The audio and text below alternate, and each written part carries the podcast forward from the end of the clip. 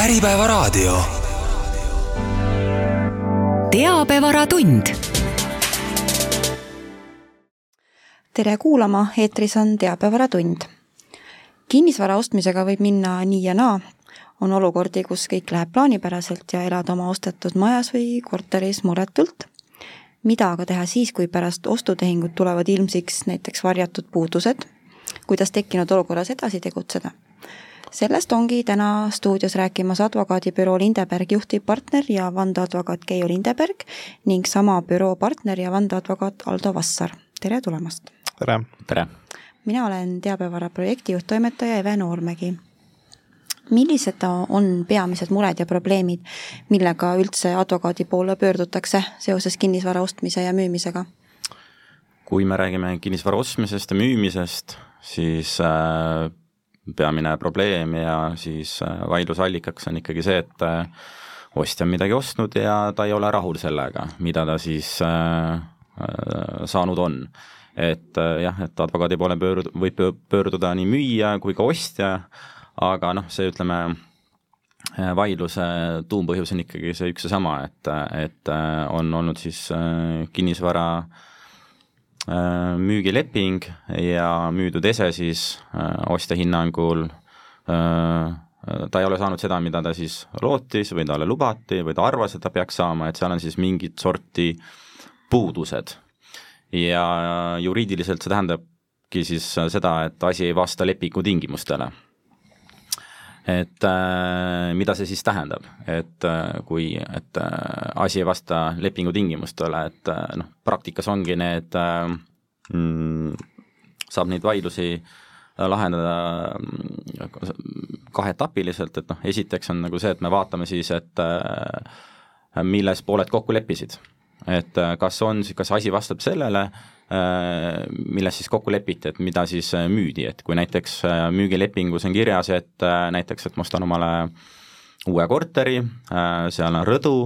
ja, ja kõik, ütleme, uusarenduse puhul täiesti tavapärane, et on igasugused lisaks siis võlaõiguslikule müügilepingule, et kõik äh, igasugused lepingu lisad ja kirjeldused, et selle noh, korteri kohta näiteks on ju noh, ma ei tea, suvaline näide, et ütleme, rõdupiire on klaasist ja, ja lõpuks, kui ma olen siis äh, on see hetk käes, kui näiteks uusarenduse puhul, et äh, ma ükskord selle korteri kätte saan ja siis tuleb välja, et äh, tegelikkuses ikkagi näiteks rõdupiire ei ole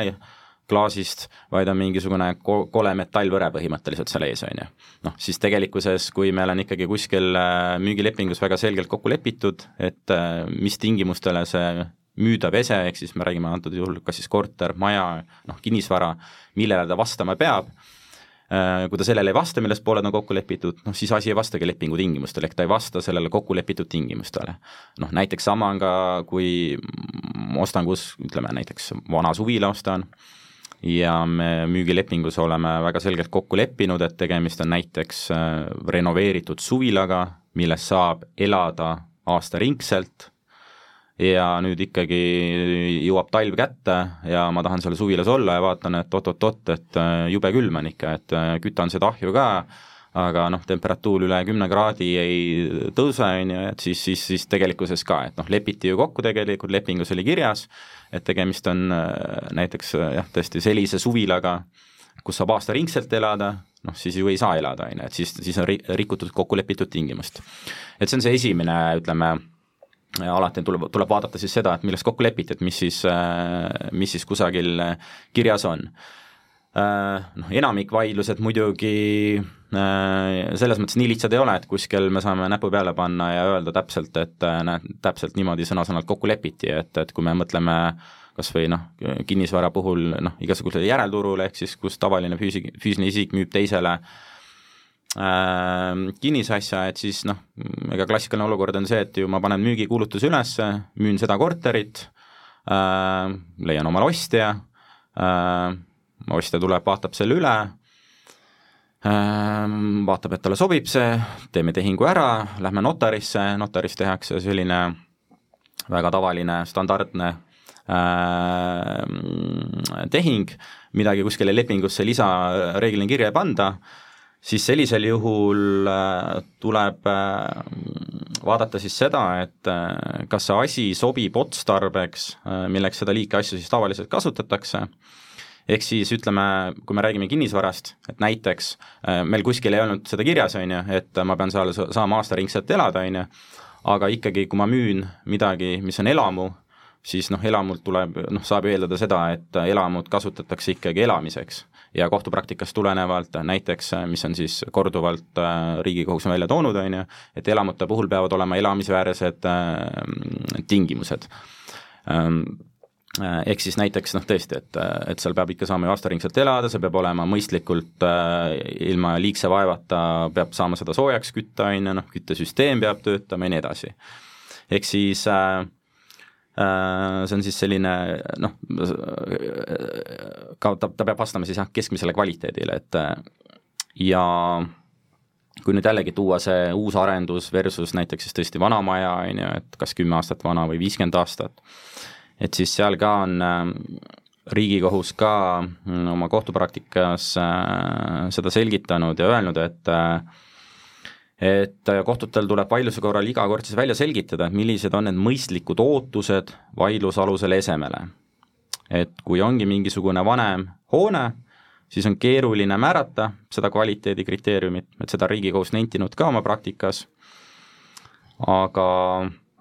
aga siis seda tulebki vaadata, et kas me räägime kaasaegsest elamust äh,, uusarendusest, siis on otse loomulikult äh, palju kõrgendatud, kõrgendatud ootused Äh, aga kui on mingisugune vanem maja, siis näiteks ei saa eeldada, et äh, projekt, projektdokumentatsiooni või, või siis äh, kaasaegsetele ehitusnõuetele vastamist, on ju. aga veel kord, et kui me räägime kinnisvarast ja näiteks tõesti veel kord, ta võib vana maja olla, aga ta on ikkagi müüdud kui elamut, siis ta peab ikkagi noh, vastama nendele minimaalsetele tingimustele, on ju, et, et, et, et seda saab ikkagi elamiseks kasutada, et noh, jällegi äh, mida meil on hästi palju, mille kohta meil on kohtupraktikat, on näiteks kõiksugused äh,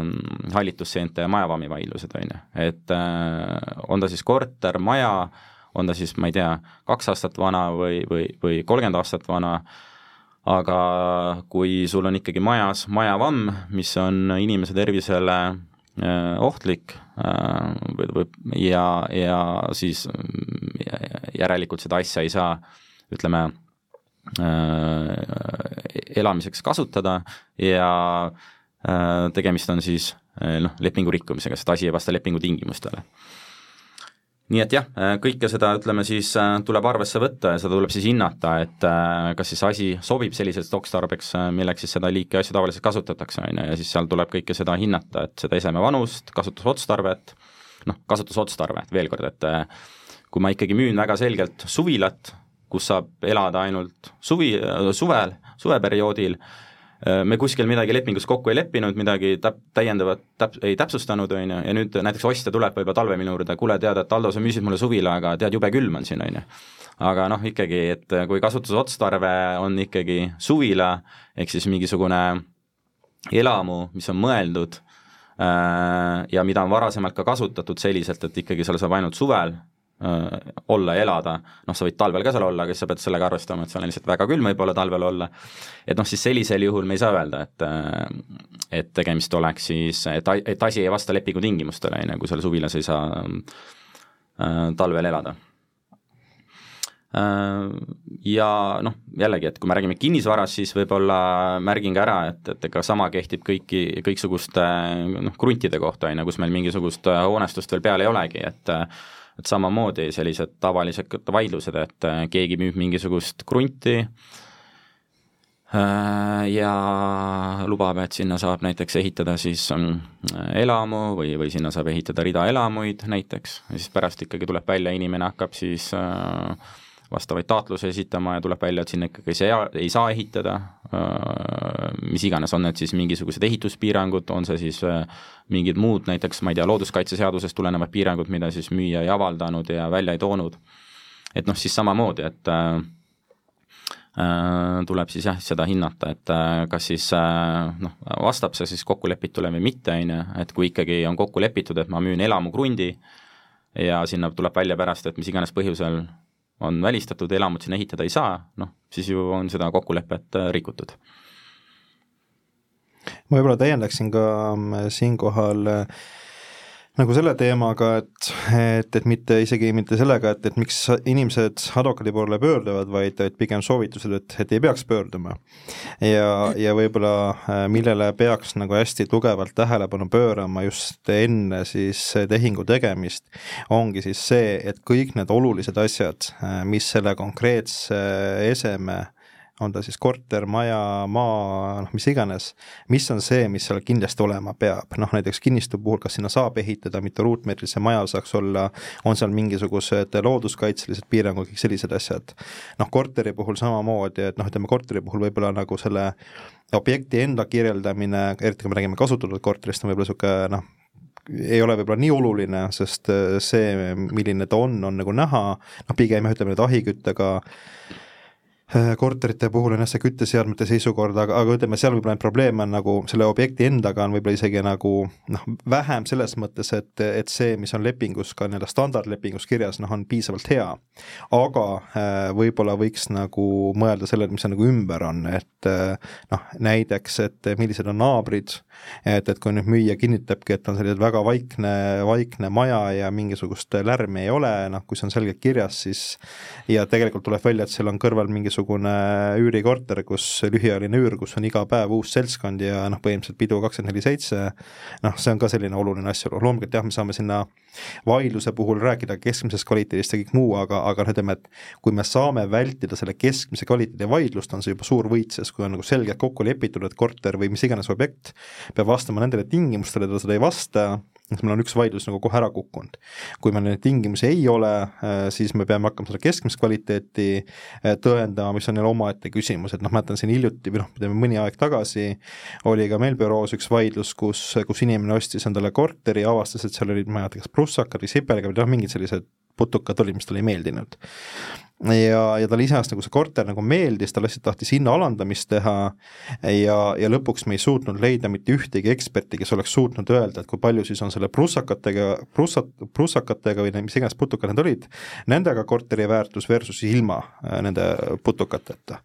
ehk siis noh, tegelikult selguski, et, et noh, ilmselgelt see on niisugune asi, mis, mis nagu ei meeldi, võiks nagu hinda alandada, aga tegelikult puudub Eestis metoodika, tol, tol hetkel, kui see vaidlus oli, puudus metoodika, kuidas seda arvutada, ma mäletan, see, rääkisime ka mingite kinnisvaraekspertidega, kes nagu rääkisid ka nagu oma selle organisatsiooni siseselt seda ja tegelikult mingisugust mõistlikku metoodikat ei suutnud nagu välja pakkuda, mis siis ka nagu kohtus püsima jääks. Ja, ja üks asi, mis võib-olla puudutab veel ka just uusi kortereid, uusarendusi,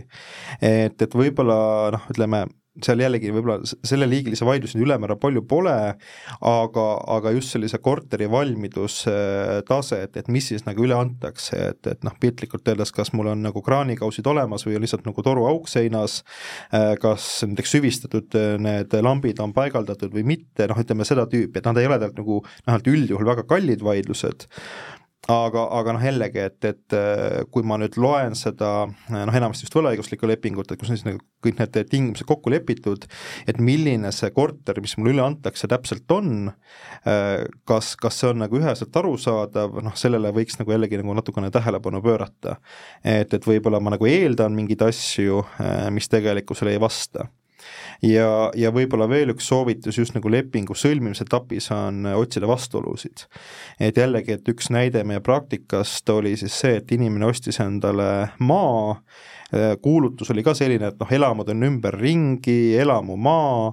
seda müüakse. Lepingus oli ka kirjas, et elamumaa ja siis oli kuskil mingisugune lause, et noh, ta asus mingi looduskaitse ala keskel või piirangu või see on mingi looduskaitseline probleem seal oli, ma täpselt detaili ei mäleta, ja, ja noh, tuligi selline klassikaline olukord, et ümberringi on kõik majad, aga siis vald keeldus äh, ehitusloa andmisest sellepärast et see on mingi ajalooline mingi metsa, metsamaa ja, ja seal pole kunagi maja olnud ja mis siis, et igal pool põhimõtteliselt kümme või paarkümmend meetrit eemal on kõik majad, aga noh, see konkreetne kinnistuvald ütleski, et ei, siin pole mitte kunagi ühtegi maja olnud, jah, me talume neid teisi, mis seal kõrval on, seda ajalooliselt olnud, aga kuna see on looduskaitseala, siis noh, vahet ei ole ja no see oli tegelikult päris huvitav vaidlus, et me tegelikult kaotasime kaks, noh, me esindasime siis äh, ostjat, kaks aastat kaotasime, kolmandas võitsime, ehk siis Riigikohtus läks meil nagu hästi. Ja seal oligi, et tegelikult ka kohtunikud, noh, ütleme need tingimused ja asjad olidki nagu niivõrd segased. et kui sa loed seda müügikuulutust, oli üks info, siis oli mingisugune e-kirjavahetus ostja-müüja vahel, mis oli ka selline noh, mitmeti tõlgendatav, leping oli veel ka omamoodi. Ja, ja noh, lõpuks see oligi, et esimene ja teine aste nõustus, et noh, klient pidi aru saama, et, et sinna ilmselt ei saa, noh, Riigikohtus ei nõustunud, lõpuks me võitsime selle asja, aga noh, see nagu näitabki, et kui selline leping on, on nagu väga-väga mitmeti tõlgendatav, äh, siis see võib tähendada sellist väga pikka kohtuvaidlust, mille puhul me ei suuda ka väga hästi ennustada. et noh, selle konkreetse näite puhul läks meil hästi, suutsime selle lõpuks ära tõendada, aga, aga noh, oleks seal mingisugunegi asjaolu natuke teistsugune, oleks võib-olla halvasti läinud. et, et kui nagu sellist olukorda proovida vältida ja kõik need äh, võimalikud vastuolud ära kaardistada lepingus ja ma mõtlen just vaadata lepingut, vaadata äh, seda müügikuulutust, vaadata seda seda e-kirjavahetust, mis on olnud, et kui noh, mingi asi jääb arusaamatuks, siis noh, tasub see nagu väga selgelt läbi rääkida ja väga selgelt lepingusse kirja panna. et, et see aitab tegelikult neid vaidlusi nagu oluliselt vältida näiteks kui ma müün vanemat maja, mida ma olen ise renoveerinud ja kirjutangi müügikuulutusse, et tegemist on renoveeritud ja väga heas korras majaga, et kas see on potentsiaalne probleem? Mm, kui see maja väga heas korras ei ole, siis jah, ta võib olla ja suure tõenäosusega ongi potentsiaalne probleem, et ähm, mis on nagu oluline teada ja meeles pidada, äh, et see on, see kõik, vahet ei ole, kas sa siis oled ostja või müüja positsioonis ja, ja võib-olla eriti tasub seda rõhutada siis äh, kõikidele potentsiaalsetele müüjatele, et et kui ikka näiteks, ma ei tea, inimene tahab oma mingisugust asja müüa, on ju, ütleme, ma tahan oma kasutatud sõiduautot müüa, äh, panen kuskile portaali müügikuulutuse, on ju, siis ikka inimene mõtleb, et noh, tahaks ikkagi head, võimalikult head hinda saada ja tahaks äh, võimalikult kiirelt sellest lahti saada, et kirjutan mingisuguse kihvti ja laheda ja ilustava müügikuulutuse ka, on ju, noh et noh, klassikaline, kirjutan oma sõiduauto kohta väga heas korras, on ju juriidiliselt äh, on siis jah, kohtupraktikasse ammendavalt äh, selgeks vaieldud, et kõik müüja ühepoolsed avaldused müüdava asja kohta saavad ka äh, kokku lepitud omaduseks, mis tähendab siis seda, et sa ei peagi seda kuskil müügilepingus eraldi kajastama, selle kohta ei peagi mingit eraldi kokkulepet olema, et noh, sama kehtib ka kinnisvara puhul, et kuigi kinnisvara ütleme, müügileping on, on ju notariaalne tehing, aga ikkagi kõik müüja ühepoolsed avaldused müüdava asja kohta, ehk siis kõige parem näide on selleks muidugi müügikuulutus, see, mida on seal siis lubatud, et siis sellest saab tegelikult äh, pärast ka lähtuda, et sellistele tingimustele peab ta siis vastama, et noh, ütleme, see väga heas korras maja, on ju, jällegi ta on selline noh, võib ju vaielda, on ju, et ta on ikkagi selliselt üpris abstraktselt sõnastatud, on ju, aga otse loomulikult äh, äh, on see ikkagi, tähendab mingisugust kõrgemat standardit, on ju, kui meil vaidluseks läheb, et millele see vastama peab, et et, et see võibki olla vana maja ja nagu me ennem arutasime ka eelmise punkti all, et, et siis tegelikult kohtupraktikast tulenevalt, on ju, vanalt majalt ei saa eeldada selliseid kvaliteedistandardeid nagu uutelt, aga samas kui sa ütled ikkagi vana maja kohta, et see on nüüd värskelt renoveeritud ja väga heas korras, no siis kohe kindlasti on meil juba äh, teine olukord, on ju, et me hindame kõrgema standardi järgi seda. ja samuti näiteks äh, kehtib seal, see on väga oluline igasuguste uusarenduste puhul, et äh, tihti praktikas on see olukord, kus äh, arendaja paneb äh, mm, korterit võib-olla müüki, on ju, algetapis kõik ilusad brošüürid ja pildid ja kirjeldused, et äh, mis seal olema sa-, mis seal olema hakkab kunagi, on ju, ja, ja noh, ma ütlen, et mul hetkel ka üks selline vaidlus on, kus siis tegelikult äh, ütleme, poole peal on siis seal mingeid muudatusi tehtud koduleheküljel ka, et mingeid asju on siis äh, ära kaotatud, on ju, et äh, ja, ja aga tegelikkuses, kui ikkagi ostjatele on lubatud, äh, võlaõiguslikud äh, müügilepingud on juba sõlmitud ja mis siis sellel hetkel tegelikult lubati, et sellele peab ka see müüdav asi lõpuks vastama. et selles mõttes see on väga oluline, et ehk siis ostjatele ma soovitan alati seda äh, seda mm, vaadata ja, ja hiljem, kui mingi vaidlus peaks tekkima, siis äh, kõik kohe meelde tuletama, mida tegelikult müüja kirjutatud on selle müüdava asja kohta. ja müüjatele ma muidugi hoiatan siis, et ärge mingisuguseid äh, valelubadusi andke, et äh, kui te ikkagi kuskil mingisuguse müügikuulutuse teete, jällegi arusaadav, on ju, et inimesed tahavad võib-olla natukene noh, ütleme, oma müüdavat asja kuidagi ilustada ja paremaks teha ja et ikkagi oleks, leiaks ostja, aga ikkagi mingisuguseid valelubadusi ei saa anda, et, et kui ikkagi müügikuulutuses antakse ebaõiget infot, ja siis tegelikult peab arvestama lihtsalt sellega, et ostja saab sellele pärast tugineda, on ju. et äh, seega, seega on see väga jah äh,, oluline mida lubatakse, et veel kord, see ei pea olema ainult müügikuulutus, võib-olla kuskil e-kirja vahetuses pärast ostja enne ostmist küsib, et kuule, kas selles ruumis põrandaküte on, on ju, müüja vastab jah, on küll, on ju, ja pärast tegelikkuses ikkagi ei ole, kuigi meil notaris, kui me lepingu sõlmimisel, meil ei olnud ühtegi punkti põrandakütte kohta, on ju. aga tegelikkuses ikkagi müüja ühepoolne avaldus, on ju, siis selle müüdava asja kohta kuskil e-kirja vahetuses lubas, et seal ruumis on põrandaküte, siis ostja saab sellele pärast tugineda ja ütleme siin võib-olla ma täiendaksin ka seda, et kui ma enne rääkisin seda, et kuidas nagu just nagu mida, mida peaks nagu ostja tähele panema, siis võib-olla just müüjale soovitus ongi, et ütleme, kõik, millest võib jama tulla, pange kirja. Ehk siis kui on noh, mingisugunegi asi, mis, mis võib nagu probleeme tekitada, et kas see siis kvaliteet pole päris see või lihtsalt on mingisugune info mitmeti tõlgendatav, et noh, see tasub nagu kõik lepingusse kirja panna, siis mitte keegi ei saa hiljem väita, et seda infot on nagu ostjast varjatud. Ja noh, jällegi üks näide Äh, inimene müüs korteri, see oligi ringi ehitatud, noh põhimõtteliselt oligi niisugune natuke naljakas äh, lahendus, seal oli noh, mälu järgi enam-vähem ühes äh, toas oli elektriküte, ühes oli kamin ja kolmandas oli vist see mingi niisugune puupliit veel seal korteris, köögis oli jah, puupliit. et noh, põhimõtteliselt selleks, et, et see korter soe oleks, pidi nagu kolm erinevat kütteallikat kasutama, et noh, iga, igas toas oli nagu erinev. ja kui see vaidlus siis tekkis, oligi selles, et, et noh, iseenesest ei olnud olnud äh, müüja seda varjanud, ta oligi kuulutusse kirjutanud, et korteris on elektriküte ja äh, ahiküte või noh, midagi sellist oli, et need kütteliigid olid talt õigesti määratletud aga siis sisuline vaidlus siis tekkiski, et kuidas siis ostja pidi aru saama ja noh, tegelikult kohus lõpuks äh, jõudis järeldusele, et mõistlik ostja saab aru niimoodi, et ma saan kogu korterit kütta kas elektriküttega või puiduküttega ja, või ahiküttega. Äh, ja, ja mitte see, et ma pean kõiki korraga kasutama. Ja noh, see oligi selline pikk sisuline vaidlus, seal oli ka niimoodi, et äh, maakohus tegi ühesuguse lahendi, leidis, et kõik oli okei okay,, ringkonnakohus tühistas ära, ütles, et ei, see on ikkagi eksitav, ehk siis jällegi, et et, et mõelda nagu kõik need olulised kohad nagu hästi-hästi hoolikalt läbi. Ja kui noh, vähegi tundub, et sealt võib mingisugune konflikt ja probleem tekkida, pange täpselt nii kirja, nagu on, et see oleks nagu võib-olla kõige kõige, kõige parem soovitus on neid vaidlusi just vältida. kõige parem ja kõige lihtsam soovitus.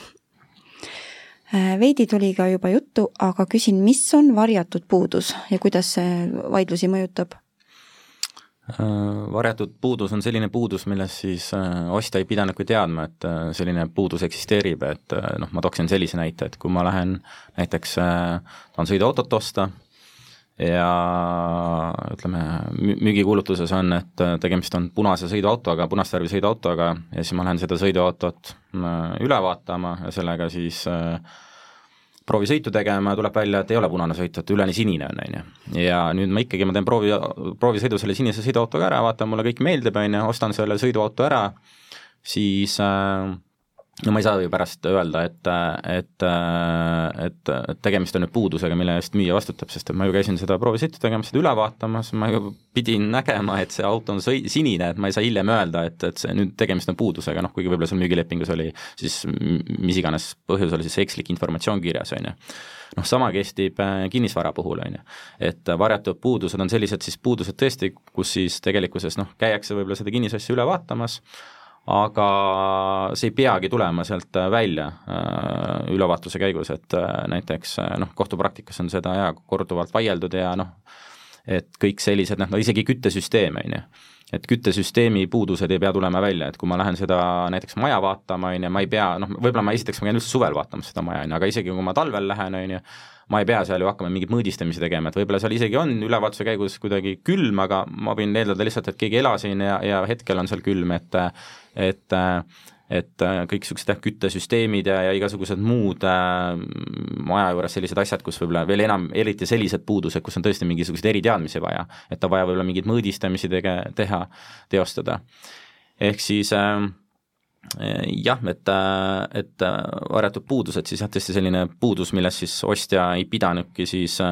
teadma, on ju, et kui, kui, kui ostja teadis sellest, on ju, nagu ma selle sõiduauto näite toon, noh siis ta ei saa sellele ju tugineda, sest noh, veel kord ju ma vaatasin ju üle, et ja kui ma selle ära ostsin, järelikult mulle sobis ikkagi see, et see, see sõiduauto sinist värvi on, on ju. Noh, kuidas see vaidlusi mõjutab, et äh, et, äh, et, et noh, jah, tihti ongi siis see, et vaieldakse võib-olla selle üle, et kas nüüd ikkagi ostja teadis või pidi teadma, aga noh, ütleme see kohtupraktika on pigem ikkagi selline väga selgelt äh, ostja poole kaldu, äh, et, et tõesti, et veel kord, et ostja ei pea minema seal, kui ta seda käib siis seda kinnisvara enne ostmist, siis käib seal tõesti seda üle vaatamas, on ju, ma ei pea igale poole oma pead pistma ja proovima kõiki lüliteid sisse lülitama ja küttesüsteeme seal äh, Äh, proovima ja mis, mis iganes mingeid muid süsteeme kõike äh, testima ja nii edasi, et noh, seda ei pea tegema ja, ja, ja reeglina jah, tõesti äh, see mõjutab vaidlusi selliselt, et ikkagi, et, et kui on selline varjatud puudus, siis ja, ja ta on selles mõttes siis puudus, on ju, siis ikkagi müüja vastutab ja ütleme, siinkohal juba ka täiendaks seda, et just see auto näide, see, mis Aldo tõi näite, see sinine ja punane auto, et lihtsalt tuleb meelde üks kaasus, kus, kus inimene ostis ka auto äh,, jah, ei olnud nagu värvitoonis vaidlus, aga, aga ütleme, kui ma õigesti mäletan, siis auto ülevaatus toimus mingi vihmase või polise ilmaga ja, ja see värv oli nagu must. Ja ta oli nagu rahul sellega, ostis ära ja siis, kui ta sellega auto ära pesi ja, ja vaatas seda nagu heades ilmaoludes, siis avastas, et see auto on üle värvitud ja värv juba koorub ja noh, ütleme, olid sellised probleemid. Ja seal tekkis meil ka vaidlus, et et müüja ütleski, et aga te ju vaatasite auto üle ja noh, see on nagu ilmselgelt näha, aga noh, seal siis tegelikult ka lõpuks ka leiti, et, et kuna need asjaolud, kuidas see auto ülevaatus toimus, olidki sellised noh, ilm oli kehv ja nii edasi, siis tegemist oli ikkagi varjatud puudusega ja, ja noh, jällegi, kui nagu soovituste juurde, et ma täna täidan seda so soovituste rolli, vaatan, et, et noh, üks asi ka, mida, mida nagu tasubki jälle just kirja panna, et noh, mäletame kunagi siin hiljuti müüsime ka, või noh, klient müüs ühte sellist väga suurt noh, mingisugust nõukogudeaegne mitte üks maja, vaid selline terve kompleks ja, ja seal siis ma mäletan ka, et noh, me kirjutasime ka lepingusse enam-vähem kõik lahti, mis seal kõik võib nagu valesti olla, sest noh, see oligi, ta oli seal osaliselt seisnud pikka aega, et noh, põhimõtteliselt ütlesimegi, et ostja ostja võtabki selle riski, et üks käsi seal sisuliselt ei tööta ja võib-olla homme kukub, noh piltlikult öeldes homme kukub see asi üldse kokku, sest keegi ei ole hooldanud. et noh, see on jällegi nagu see teema, et, et kui ma nagu tean, et see ongi selline äh, potentsiaalselt väga probleemne objekt, siis noh, panemegi selle ühemõtteliselt kirja, et noh, siin üldiselt ei teki ka probleeme ostjaga, noh eriti tolle näite puhul, et ettevõtted ka müüsid, et, et on sellised professionaalsed nagu turuosalised, aga noh, ütleme üldjuhul ka, et noh, kui ma ikkagi saan aru, et ma müüngi noh, ma ei tea, mingisugust nõukogudeaegset garaaži, mis võib-olla ongi selline, et noh, igalt poolt lekib ja, ja, ja noh, ütleme igasugu probleeme on, elektrisüsteem on ka selline, et peaks kohe-kohe ära vahetama, ikka on juba tuleohtlik. et jällegi, et noh, ütleme, kui see on tegelikult nagu arusaadav, panemegi selle kirja, äh, võtame kohe selle riski maha, et ostja ütleb, et aga mina eeldasin, et kõik on nagu korda tehtud ja, ja nii edasi, et noh, kui, kui see on nagu sisulist vaidlust pole, riskide maandamiseks tasub ikkagi kirja panna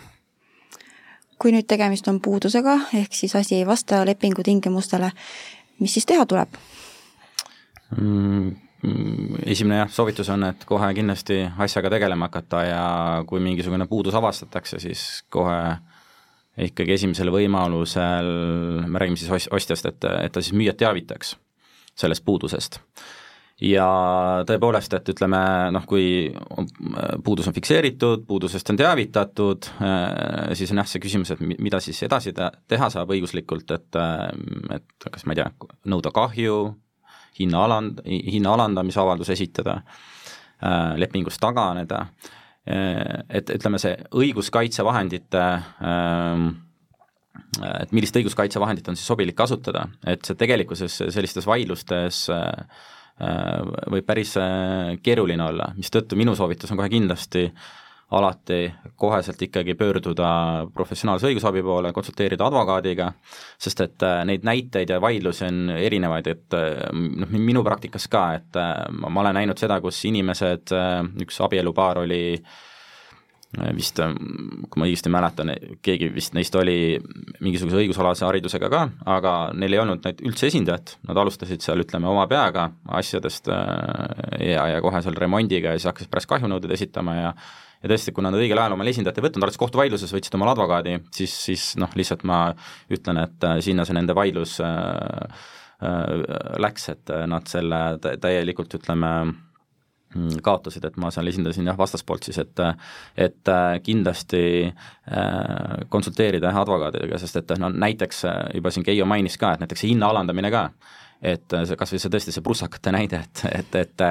et noh, inimene mõtleb, et nii, ma ostsin nüüd näiteks mingi korteri või maja ja ma avastan, et seal on nüüd ma ei tea, mis, mis iganes, ma ei tea, mingid närilised või prussakad ja see on ju puudus, jah, ta on puudus, on ju, et aga et, et jube hea oleks, et esiteks hinna alandamise avalduse, et ma saaksin äh, siis äkki soodsamalt oma selle kätte, on ju. aga nagu Keijo ennem selgitas ka, et, et tegelikkuses äh, kõik kinnisvaraeksperdid ütlevad, et äh, see ei mõjuta kinnisvara hinda, et sa ei saa seal seda hinna alandamise avaldust selles mõttes siis teha. et teeb põhimõtteliselt teli putukatõrje, on ju, ja hävita need putukad ära ja, ja kinnisvara hinda see ei mõjuta. ehk siis tegelikult on ju kohasem nõue kahju hüvitamise nõue, sest et mul tekib kulu, et äh, ma pean siis tegelema nende, ma ei tea, putukatega või närilastega. nii et selles mõttes seal on nagu õiguslikult ka vaja analüüsida ja süveneda ja kindlasti kõik tõenduslikult ka olukord fikseerida, ennem kui hakatakse üldse mingeid õiguskaitsevahendeid kasutama, et samuti näiteks lepingust taganemine. et äh, kas ikkagi on olulise puudusega tegemist või mitte, et kas saab ikkagi veel lepingust taganeda või tuleb anda tähtaeg puuduste kõrvaldamiseks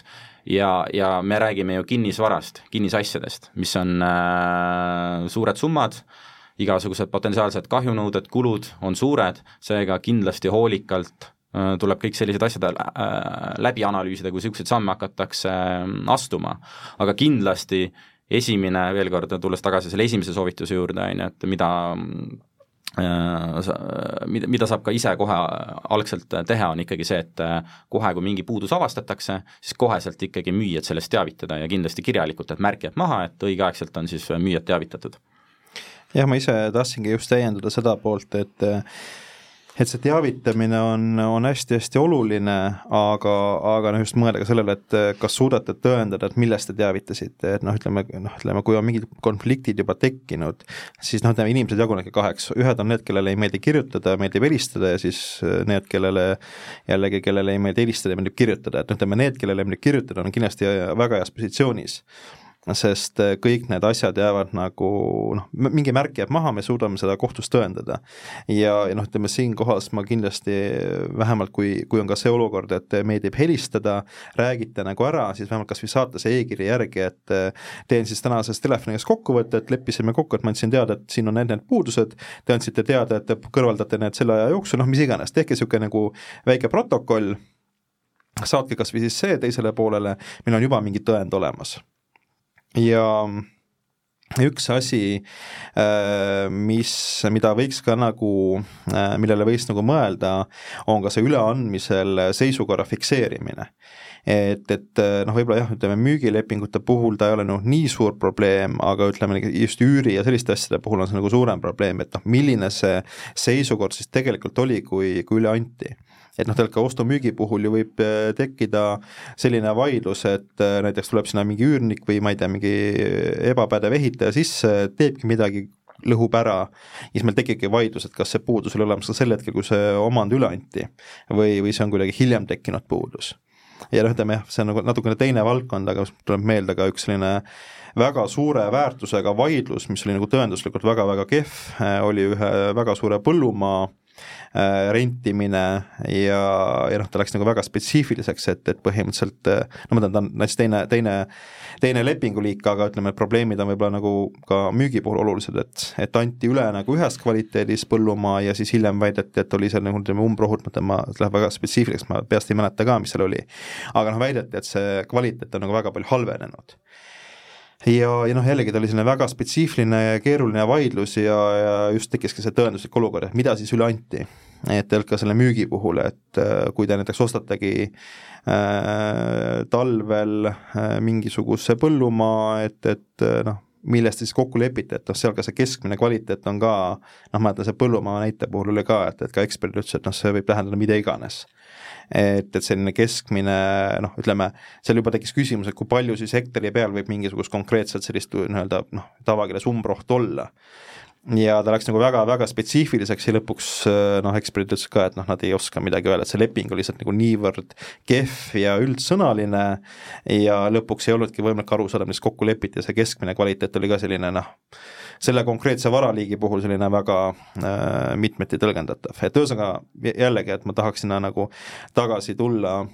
et, et nii müüja kui, kui, kui ostja vaates, et noh, kõik, mis vähegi tundub nagu oluline, et, et saaks nagu väga just üheselt mõistetavalt kirja. et see on nagu hästi oluline. kas siin võiks olla kasu kinnisvaramaaklerist nii, nii ostja kui ka müüja seisukohast? Äh, kinnisvaramaakler äh, tegutseb äh, müüja esindajana, et seal on siis müüjaga on neil sõlmitud äh, Äh, käsundussuhe ja, ja, ja sellisel juhul jah äh,, äh, kõik, ütleme, maakleri äh, avaldused müüdava asja kohta äh, on siis tegelikkuses noh, seaduse tähenduses sama, kui müüja teeb neid. ehk siis siin on see koht, kus äh, kui me vaatame nüüd müüja seisukohast, siis äh, veel kord, ma, mina annan siis siin selliseid juriidilisi hinnanguid, et mis puudutab siis ütleme, seda ostmist ja müümist, on ju, ja, ja selliseid vaidlusi, et jah, et muidugi maakler teeb selle müümisprotsessi ju äh, mugavamaks, on ju. aga ma olen jah, praktikas niisuguseid äh, vaidlustega kokku puutunud, kus siis tegelikkuses müü-, tähendab, maakler on andnud siis ekslikult, noh, mis iganes põhjusel siis, aga on andnud siis tegelikult müüdava asja kohta valeinfot, müüja ei tea sellest mitte midagi ise ja pärast on siis ostja mm, tulnud, näed, maakler ütles meile, et ja siin ei ole seda, on ju, mida maakler ütles. ja siis äh, müüja on ka hämmingus, et oot-oot-oot, mis asja, mina ei ole kunagi maakleri öelnud seda ja mina ei ole ostjale kindlasti midagi sellist öelnud, on ju. aga noh, maak-, maakler on müüja esindajana tegutsenud, nii et äh, noh, äh, reeglina ikkagi jah, tuleb lähtuda siis sellest põhimõttest, et see on ka siis müüja avaldus müü-, müüdud asja kohta, on ju. jah noh, müüja vastutab, on ju, sellises olukorras ostja ees, äh, noh, maakler muidugi siis omakorda saab vastutada ka müüja ees, on ju, kui maakler on oma tegevusega siis müüjale mingisuguse kahju põhjustanud, on ju. aga noh, tegelikkuses äh, noh, see ongi see koht, kus äh, maakleri kasutamine tegelikult võib selliseid vaidlusi noh, veel ütleme siis müüja vaatest äh, Äh, keerulisemaks teha, on ju, ja problemaatilisemaks ja, ja veel selles mõttes keerulisemaks, et nüüd tuleb veel maakleriga ka tegeleda, on ju, et kui, veel kord, kui on tegemist olukorraga, kus siis maakler on mingisugust ebaõiget infot andnud, nii et selles mõttes kindlasti tasub alati äh, seda hoolikalt äh, kontrollida, valida, et keda omale siis kinnisvaramaakleriks võetakse, et tegemist oleks ikkagi hea professionaaliga. noh, ostja seisukohast, kui ma ostja, ütleme, mätta otsast vaatan, siis selles mõttes ma ütlen, et see midagi selles mõttes ei äh, ei mõjuta, et noh, seda ta mõjutab, on ju, et mul on nagu siis veel kord, et kui mina olen ostja, et mida, mida iganes siis maakler öelnud on, mida iganes müüja öelnud on või kui ma küsin maaklerilt midagi, ta ütleb mulle, on ju, no siis mina ostjana saan lähtuda sellest, et et seda on nagu müüja mulle öelnud, et noh, selles mõttes siis jah, võib-olla ostjale teatud olukordades on äh, saab see siis kasulik olla vaidluses, on ju, et kui maakler on midagi öelnud, võib-olla müüja ei ole öelnud, aga kui maakler on öelnud, et noh, siis ostja saab sellest kinni hakata no ma võib-olla täiendaksin ka just selle, laiendaks seda Aldo mõtet, et et noh, kinnisvaramaakler teatud äh, tehingutes või teatud liiki varade puhul on kindlasti vajalik, aga hea maakler teeb asja paremaks, halb maakler võib teil kogu selle asja ära rikkuda. et, et selles mõttes, et äh, noh, on, on ta siis nagu see eseme puudused või, või mis iganes muud asjad, et, et seetõttu see maakleri isikust äh, noh, see, see on nagu hästi-hästi palju sõltub ja see valik tasub teha nagu ikkagi väga-väga kaalutletult, et, et noh, siin neid vaidlusi ka maakleritega ja, ja noh, ütleme, kui juba siin oli juttu nendest, et millest on kokku lepitud, siis ka juba need maaklerilepingud, mis jamad nagu sealt võivad tulla, et milles siis kokku lepiti ja nii edasi, et et ühesõnaga äh, tasub seda, kui see, ütleme, kui on vaja maakler kaasata, siis tasub ka see otsus äh, väga põhjalikult läbi mõelda ja jällegi ka lepingutega kõik need olulised küsimused kirja panna lõpetuseks küsingi, et mida üldse inimesed saavad teha, et neid, kõiki neid vaidlusi ja probleeme vältida ja, või, ja, ja kuidas vaidlusteks valmis olla? esiteks minu soovitus kindlasti on veenduda selles, mida te ostate, et kui te hakkategi näiteks ostma, toome jälle selle suvila näite, on ju, et kui te ostate suvilat, et jällegi, et müüja võib-olla müüb seda ikkagi teadmises, et see on suvila, kus saab ainult suvel sees elada, ostja ostab seda mis, mis iganes siis põhjusel arvates siis, et seal saab aastaringselt elada, on ju, et ikkagi veenduda, selgeks teha, mida te ikkagi täpselt ostate. et äh, jällegi, et kuna kõik müüja ühepoolsed avaldused saab lugeda äh, siis lepingu osaks, ehk siis pärast saab sellele vaidluses tugineda, et äh, selle järgi me siis hindame, et mis need kokkulepitud tingimused on siis äh, noh, veel kord, kõik müügikuulutus on ju muidugi, aga veel kord kindlasti kirjalikult, et märkiks maha, on ju, küsida ka mm, müüjalt siis igasuguseid täiendavaid küsimusi, on ju, äh, infot, mm, et see on kindlasti hästi oluline, et veel kord kõik see nagu selgeks teha ja veenduda, mida te ütleme täpselt ostate, on ju, ja, ja vajadusel on ju kindlasti siis äh, kõik see eraldi veel lepingus on ju kokku leppida, et ehk siis äh, ütleme, teine soovitus on kindlasti äh, jah, lepingud lepingutes kõik eraldi punktid, eraldi kokkulepped, kui äh, noh, veel kord, kui te ostate lihtsalt mingisuguse ütleme, uue, uue korter, uue, uue korteri kuskil äh, ütleme, uues või võrdlemisi uues kortermajas, on ju, ütleme, aga, aga teine asi on tõesti see, et kui te ostate mingisuguse vanema hoone, vanema maja, on ju, aga nüüd kas, et mis seal ikkagi see kvaliteedistandard peab olema või ei pea olema ja, ja kas seal peab mingi, ma ei tea, projektdokumentatsioon olema või mitte, on ju, et, et, et see kõik läbi mõelda ja seda ikkagi veel kord, et jah, muidugi, mis on müügikuulutus avaldatud või kuskil kirjavahetus, aga ikkagi veel parem on, kui on ikkagi lepingus siis eraldi selles osas igasugused kokkulepped. ja ka siia, siin on minu soovitus kindlasti, et noh, veel kord, me räägime äh, kinnisvara ostmisest, on ju, need ei ole ju väikeste summadega või odavad tehingud, on ju, need on ikkagi selles mõttes suured tehingud ja seal kindlasti tasub ja on õigustatud, et äh, siis juba ostuprotsessis kaasata siis äh, professionaalne õigusabi või siis konsulteerida advokaadiga kes aitab siis äh, kas või siis lepingu üle vaadata või aitab mingisuguseid ettepanekuid teha, et et kui, kui näiteks ostjal on mingisugused spetsiifilised huvid või või mingi spetsiifiline eesmärk, miks ta siis seda kinnisasja ostab või ta, või ta tahab, et see millegile vastaks, et, et siis advokaat saab kõike seda aidata, et see lepingus siis vastavasisuline kokkulepe sõlmida. ja kindlasti mm, kui me räägime Äh, uutest äh, uusarendustest, äh, siis jällegi selleks, et mis hetkeks nüüd omand üle antakse või kasutusluba saadakse ja nii edasi, et seal on ka noh, praktikas on see noh, ütleme pigem, pigem ma näen, et seda kasutatakse juba arendajate poolt, on sellised lepingud, on ju, et igasugused leppetrahvi kokkulepped on sisse kirjutatud. aga samas ma olen ka näinud seda, kus, kus tegelikult see leppetrahvi kokkulepe on äh, ta küll on olemas, aga see summa on, ütleme, minu hinnangul liiga väike, et see arendajat moti-, motiveeriks, nüüd ühes siin hiljuti ühes vaidluses ma nägin seda, kus on siis on näiteks äh, maksimaalne määr on kahe kuu tähendab, iga, iga päeva eest ütleme, tuleb see leppetrahvi summa, mis ei ole üldse suur, on ju, ja siis on veel see mm, piiratud, on ju, kahe kuu ulatusega, ehk siis põhimõtteliselt ütleme, kaks kuud võib-olla arendaja venitab selle kasutusloaga, on ju, aga kui ta edasi venitab, no siis rohkem näiteks leppetrahvi nõuda ei saa, on ju. et ehk siis äh, tasub kindlasti ka seda läbi mõelda, et, et lepingusse saab jah, igasuguseid äh, kokkuleppeid, sealhulgas leppetrahvi kokkuleppeid sisse panna, et siis äh, näiteks, et ostja saaks äh, oma huve kaitsta. ja võib-olla omalt poolt lõpetuseks ütlekski, et et kui nüüd advokaadiga koos mingit lepingut koostada, et noh, tegelikult ega see ongi selline nii-öelda tegelikult kolmepoolne koostöö, ehk siis klient, advokaat ja ka notar, et noh, kui see praktikas nagu käib, ongi see, et me kliendiga arutame läbi siis need põhiasjad, mis seal olema peaks, noh, kinnisvara ostu puhul nagunii selle tehingu valmistab ette või lepingu projekti valmistab ette notar, ehk siis me saadame notarile info, mis seal olema peaks, notar koostab enda põhja Äh, ja siis me hakkame seda täiendama ja noh, enamasti ongi ka need läbirääkimised, kui ka teisel poolel äh, on, on advokaat, siis siis noh, me hakkamegi seda notari äh, lepingu põhja nagu täiendama ja noh, seal neid muudatusi võib nagu väga palju olla ja noh, ma mäletan ka seda, et, et siin jällegi üks hiljutine tehing, kus, kus ka notar tuli kohale, ütles, et noh, mul on kaks advokaati laua taga, et leppige omavahel kokku, et ma panen kirja selle, mis te tahate, et ta nagu suhtuski niimoodi, et, et teda nagu noh, mis iseenesest on ka õige, et et et, et las pooled vaidlevad need asjad ära, tema vormistab ära. nii et ütleme, see on nagu praktikas palju kasutatakse ja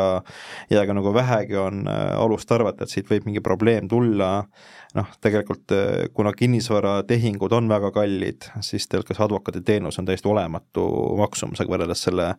selle tehinguga ja võrreldes nende jamadega, mis tulla võivad, et kui me läheme järgmiseks kolmeks aastaks kohtusse vaidlema ja pärast seal veel Riigikohus tühistab ringkonna lahendi ära ja saadab veel tagasi, noh siis noh, ühesõnaga tasub seda jama vältida. jah, tasub küll selleks korraks on meil eetriaeg otsas. aitäh saatesse tulemast ja aitäh nendel teemadel rääkimast head kuulajad, teiega kohtume kahe nädala pärast ja siis räägime MTÜ-dest ja annetamisest